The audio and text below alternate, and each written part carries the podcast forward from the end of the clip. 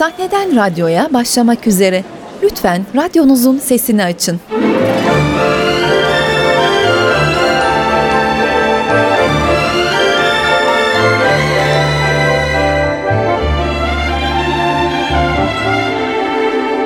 Sahneden radyoya. Oyun Çehov Makinesi Anlatan Atilla Şendil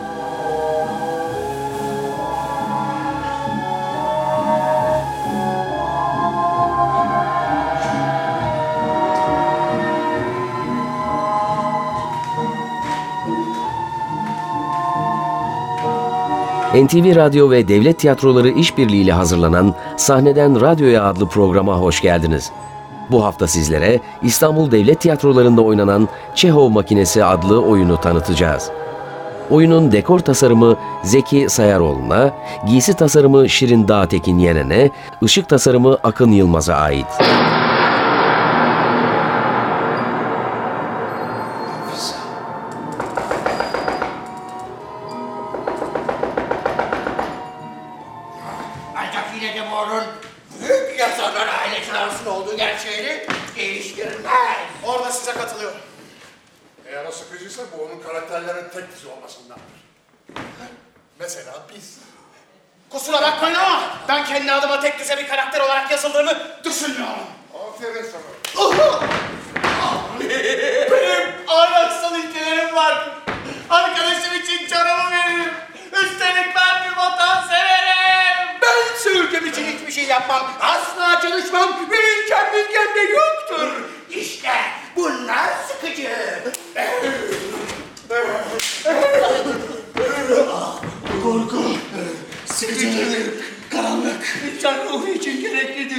Kişiliğiyle yapış yapış, iç içedir. İşte bu cevabın açıkça gördüğü bir gerçektir. Sinek kağıdına yapışan sinekler gibi. İşte bu kadar. Slav ruhunun kralı öldü. Yaşasın kral. Oyuncu kadrosunda ise Uğur Polat, Hakan Vanlı, Levent Öktem, Şahin Çelik, Nalan Okçuoğlu, Erkan Taşdüğen, Jale Arıkan, Sanem Öge, Fatih Sönmez, Arda Baykal, Toygun Ateş, Gözde Çetiner, İsmet Vural, Alper Saldıran, Çağrı Şensoy, Didem Ertan, Aslı Özsaraç ve Pınar Tuncagil var.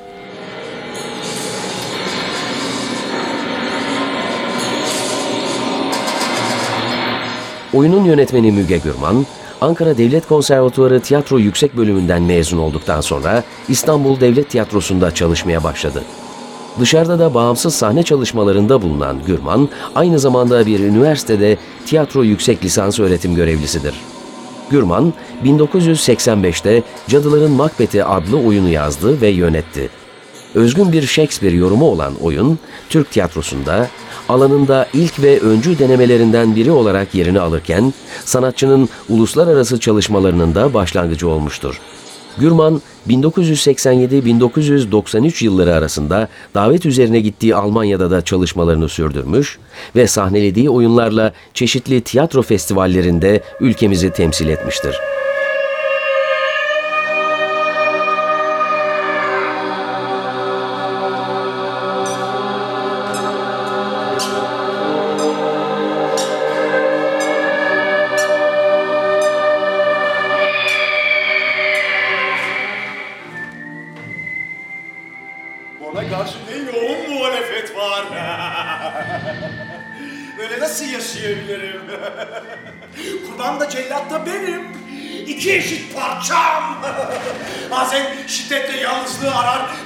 Da korkum sıkılır.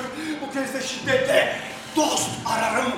Dünya güzel, yalnız biz insanlar kötüyüz.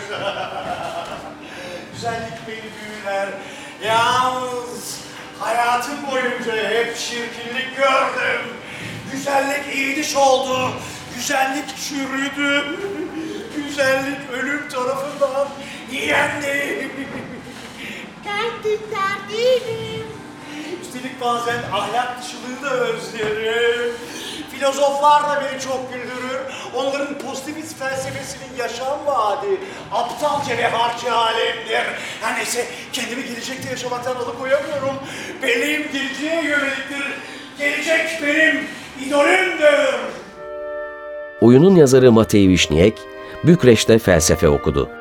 Kültürel direnişe ve edebiyatın totalitarizmi yok etme gücüne inanan yazar, Kafka, Dostoyevski, Poe ve Loremont'tan etkilendi. Oyun yazmaya 1977'de başlayan Vişniek, sonraki 10 yıl boyunca birçok oyun yazdı. Fakat o dönemlerde eserleri kendi ülkesinde sansürlenen ve oynanmayan Vişniek, 1987'de bir edebiyat fonuyla Fransa'ya davet edildi.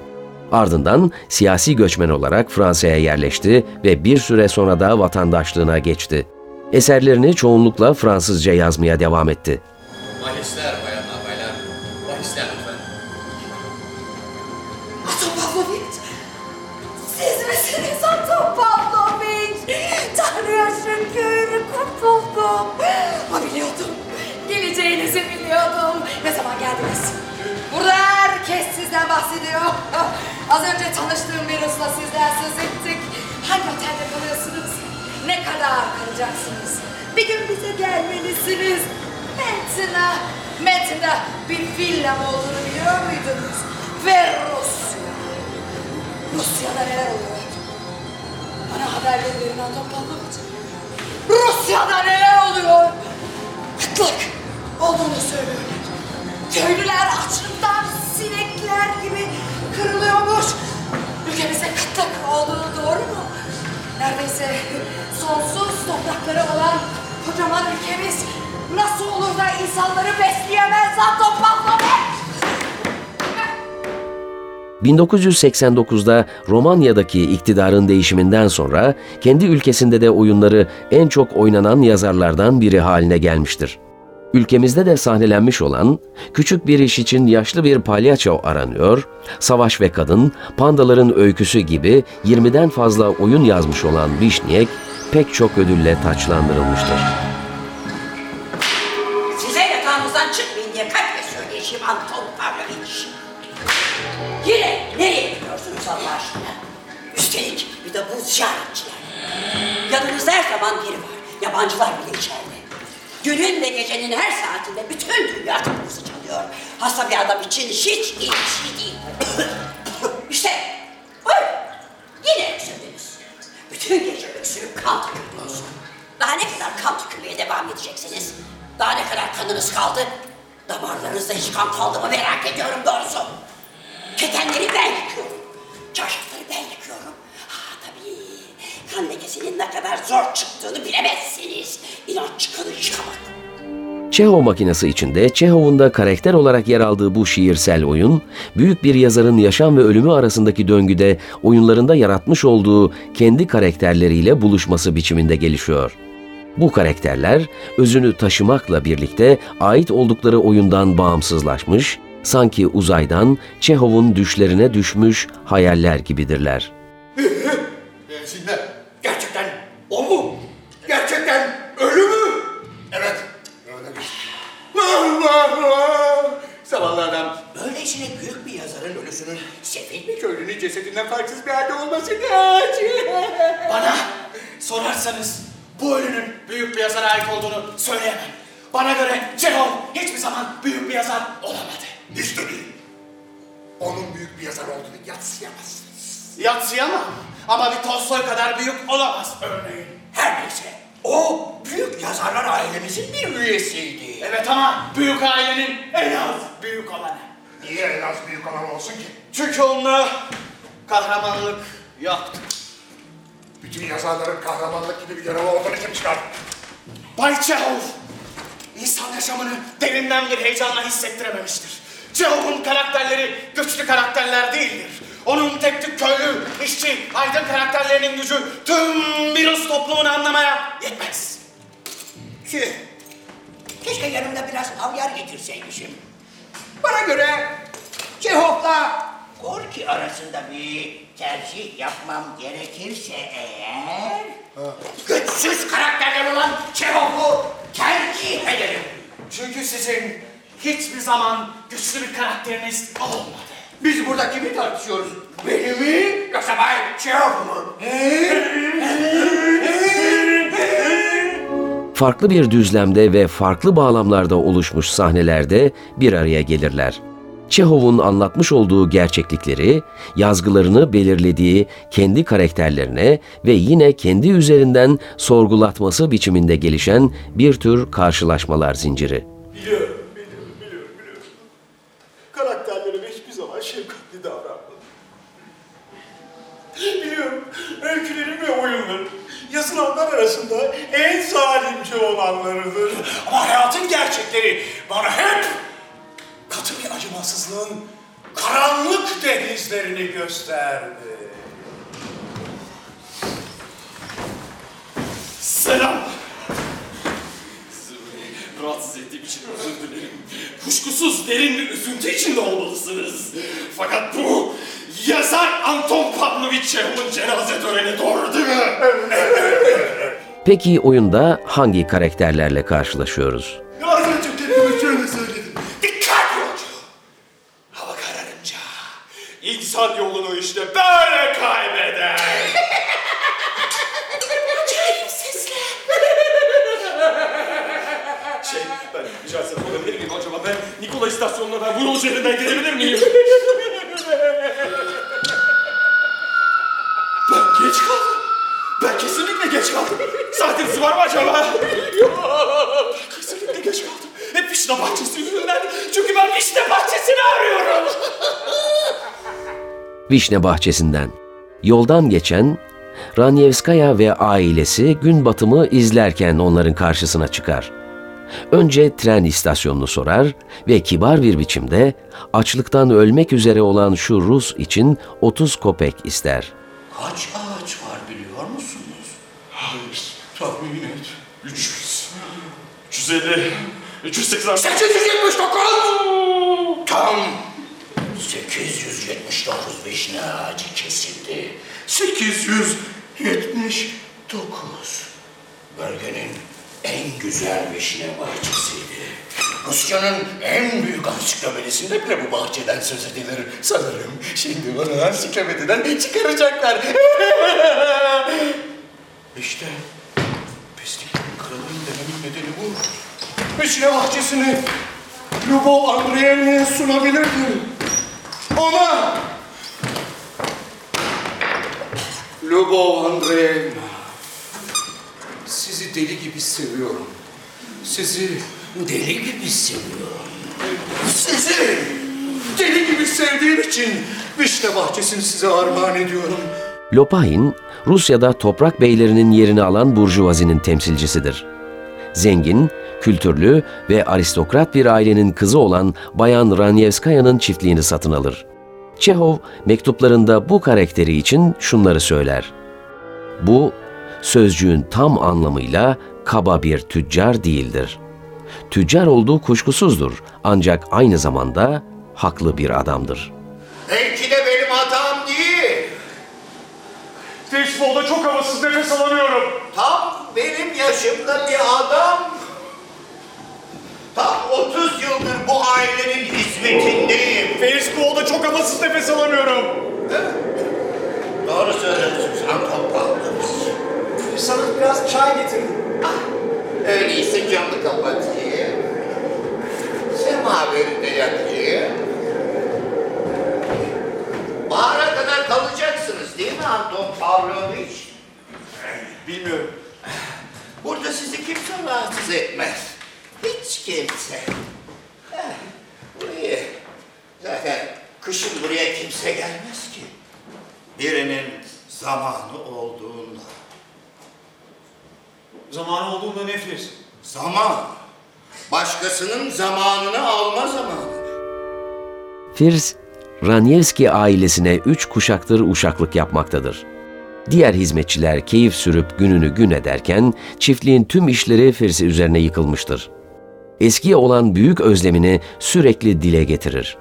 Evle öyle bütünleşir ki finalde onunla birlikte yok olur.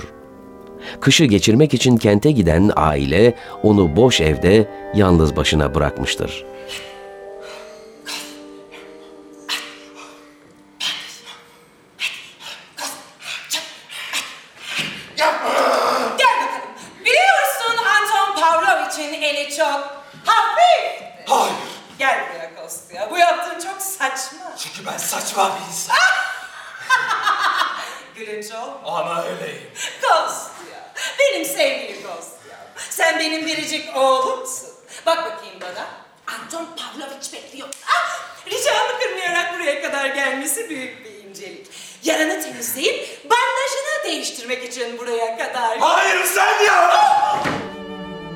Martı'dan. Arkadina, oyunun mekanı olan çiftliğin sahibi Soren'in kız kardeşidir. Eskiden ünlü bir oyuncu olan Arkadina hala bununla övünmekte, genç kız rollerini bile oynayabileceğini söylemektedir. Hastanın görevi iyileşmeyi istemektir. Tıp kitapları böyle diyor. Doğru değil mi Anton Pavlovich? Hoşçakalın Anton Pavlovich. Yemeğe kalacaksınız değil mi? Konstantin Gavrilovic söylenecek bir şey yok.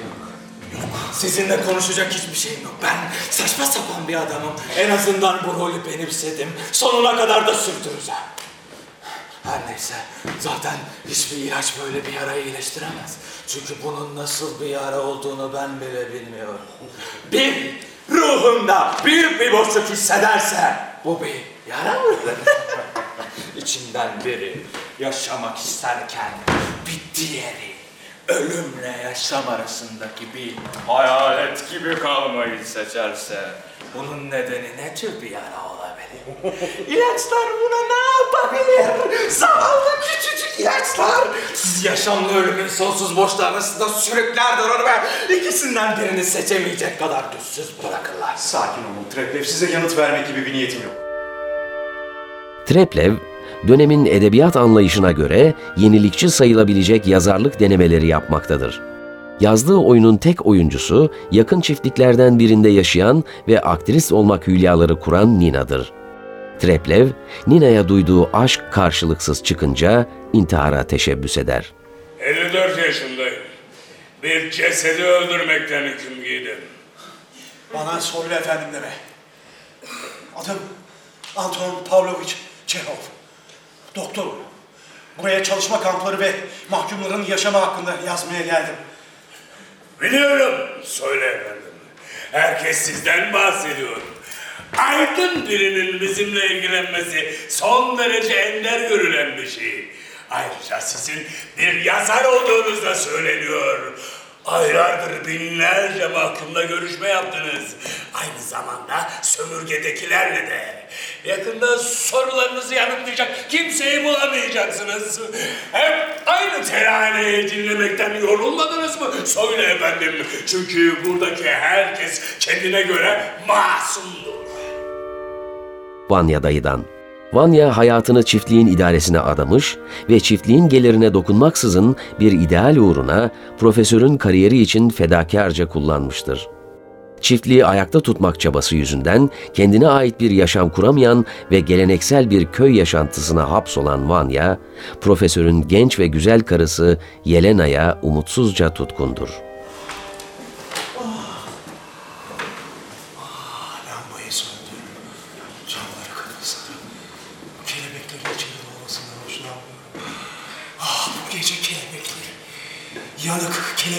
Kokusundan hoşlanmıyorum.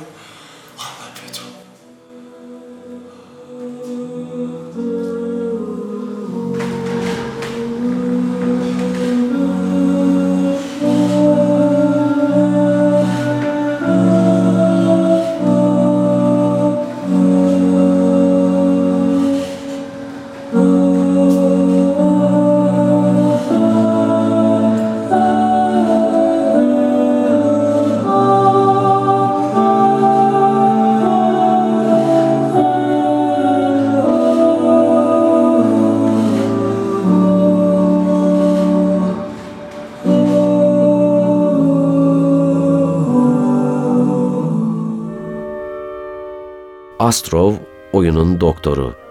Astrov'un doktor olan Anton Çehov'un kendisine en yakın resmettiği karakter olduğu düşünülür. Gelişime açık bir kişilik olan Astrov, oyunun içinde Profesör Serebyakov'un genç karısı Yelena ile flört eder. Öte yandan profesörün kızı Sonya da Astrov'a aşıktır. Siz gerçekten delisiniz Nikolay Lvovici. Özelde bir subay olan ben genelde bir Rus olarak ölmek için doğmuş bir Rus subayıyım. Evet, bir Rus subayı. Yüzünde ise bütün bunları komik buluyorum. Düşünsenize bütün dünya bizim bir kadın yüzünden dövüştüğümüzü sanacak. İkimiz de aynı fasil dairenin tutsaklarıyız yüzbaşı. Bizi kaçınılmaz biçimde yakalayan ve her yanımızdan çepeçevre saran ve sıkarak boğan bir dairenin başka hiçbir çıkış yok. Ölümden başka. Ancak ne var ki daha beter ne olabilir? Ölümden daha beter ne olabilir? Değil mi? Ne diyeyim? Delilik! Kim oluyor? Gerçek delilik. Delilik bizi iyileştirir yüzbaşım. Kaygısızı değil. Her şeyi olduğu gibi görebilir. Sizler oradaki parıldayan deliliğin ne olduğunu görebiliyor musunuz? Sığırcık olmalı. İşte o bir karabasan gibidir. Onun bir karabasan olduğunu bilirsiniz. Oradan çılgın gibi uyanmaya çalışır. Ama başaramazsınız. Üç kız kardeşten. Tuzenbach. Baron ve teğmen olan Tuzenbach, kız kardeşlerin en genci olan Irina'ya aşıktır. Tuzenbach, konuşmalarında çalışmanın ve emek harcamanın nedenli önemli olduğunu vurgular. Şu ilerideki köknar ağacını görebiliyor musunuz yüzbaşı? Hangisi? Şunu. Hani hepsinden uzun olan. Evet. Ne kadar garip değil mi? Bu kadar genç olmasına karşın hepsinden daha uzun. Hasta olmalı. Hasta olduğunu da nereden çıkardın? Çünkü bu kadar uzun olmak için çok genç. Ee? E'si ilk fırtınada kırılacak. Zayıf olmasına karşın şimdilik ayakta ama yaşam tutkusunun ilk kurbanı olacak. Solyoni. Batarya komutanı olan yüzbaşı Solyoni, Irina'ya aşıktır. Uyumsuz bir karaktere sahip olduğu için üç kız kardeşin konukları arasında huzursuzluklara neden olur. Irina'ya aşkını itiraf ederse de karşılık görmez.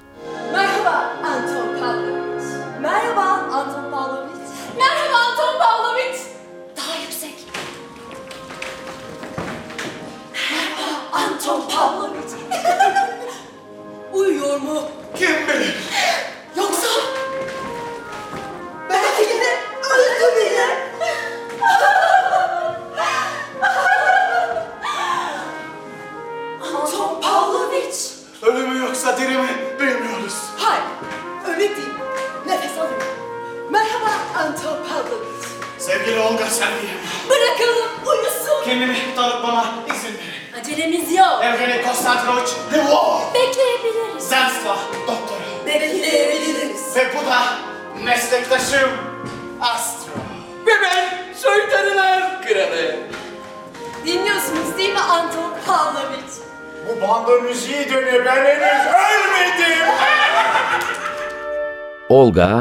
Maşa, Irina. Üç kız kardeş. Asla gerçekleşmeyecek olan hayalleri, gençliklerini yavaş yavaş yiyip tüketen Taşra kasabasından kaçıp Moskova'ya gitmektir. Özlemlerinin simgesi olan geçmişteki güzel günlerden ve geleceğe dair umut ve hayallerden bahsederken bunları gerçekleştirmek için hiçbir şey yapmazlar.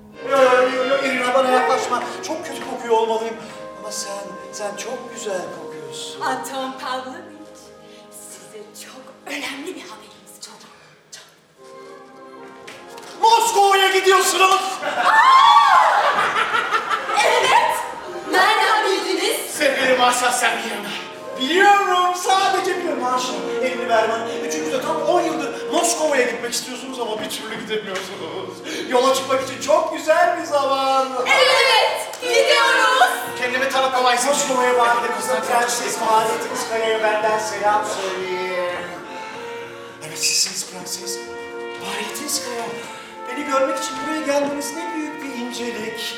Ben Prenses Bayratinskaya değilim.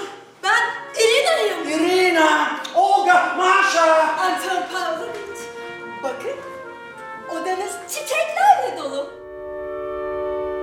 Çebutikin, Ayaş ve dedikoducu doktor. Çebutikin, mesleğini tamamen unutmuş ve yaşamını bomboş geçirmiş bir kişidir.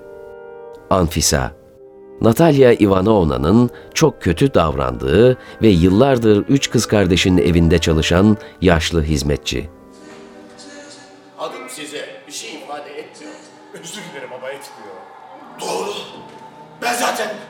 Hiçbir zaman gündemde olan bir karakter olamadım. Siz asla büyük yaşlanmamı ummadınız.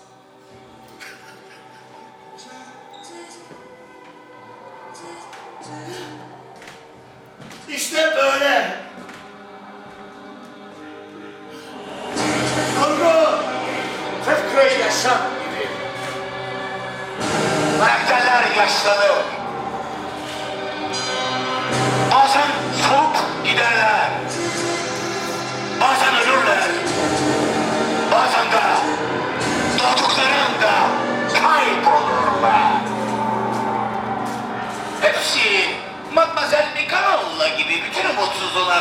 Sonsuza dek genç kalmaz.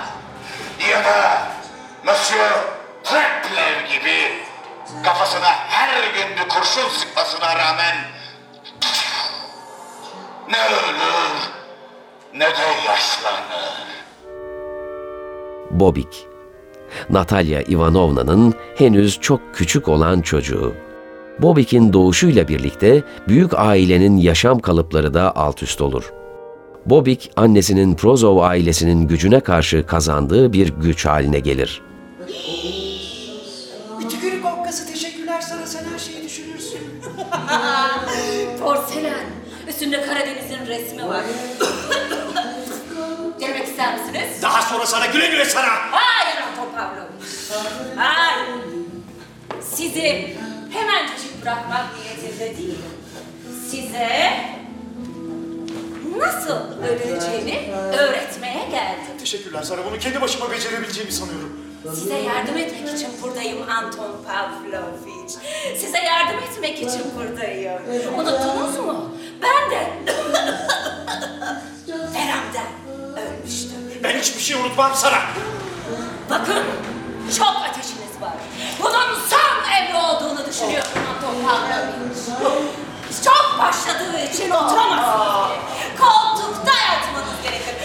Biliyor ya bu, bu, bu hiç dayanılmaz bir şeydir. Verimin son evresi gerçekten korkunçtur. Anton Pavlovich yatak uzandığınızda boğulacak gibi olursunuz. Ve yavaş yavaş sonunuzun geldiğini hissedersiniz. Koltuğa oturduğunuzda ise daha rahat nefes alır ve yeniden umutlanmaya başlarsınız. Ancak giderek bir bitkinlik sarar ve fitil kendini ateşlemiştir. Ivanov'dan. Livov, oyunun doktoru. Kendisini mesleğine adamış bir doktor olan Livov, ne çare ki insan psikolojisi konusunda sınırlı bir yeteneğe sahiptir. Anna Petrovna, Ivanov'un karısı. Kocasının artık onu sevmediği gerçeğini saklayamaması, Anna Petrovna'nın ölümünü çabuklaştırır. Bahisler bayanlar baylar. Bahisler lütfen. Bahislerinizi bileyim bayanlar baylar. Bahisler lütfen. Bahisler dedim. Sonra bir şey oldu. Zamanın izini kaybettim. Yıllar geçti. Ama her günümü ülkenin mutsuzluğunu düşünerek geçirdim. Sonra çok acayip bir şey oldu. Zamanın izini yitirdim. Kutsal Rusya! Sonra Gorki'nin döndüğünü duyunca ben de hemen ülkeme geri döndüm. Sonra Gorki öldü. Beni de toplama kampına yolladılar. Ancak Kazakistan'daki çiftliğe yollandığım için şanslıydım. Havalar güzeldi. Şanslıydım. Çünkü Noris'teki nikel madenine de yollanabilirdim. Orada ölüm oranı altı kat daha fazlaydı. Hele Kolim. Kolima en beteriydi. Eğer Kolima'ya yollandıysanız yaşama şansınız çok azdı. Bütün bunları size niye anlatıyorum ki? İki savaş, bir devrim, iki kıtlık ve arkasından bir büyük terör. Siz bunların hiçbirini yaşamadınız Anton Pavlovich. Çehov makinesinde anlatılan bu absürt ve gerçeküstü serüven, Çehov'dan bizlere ulaşan ve günümüz gerçekliğini de halkaları arasına alan bir zincir.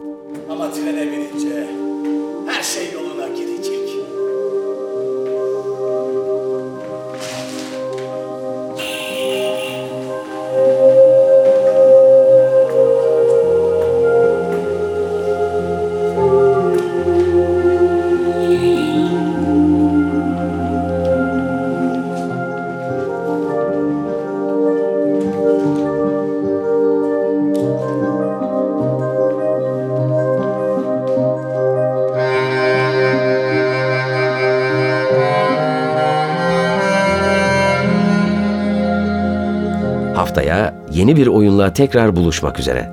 Hoşçakalın.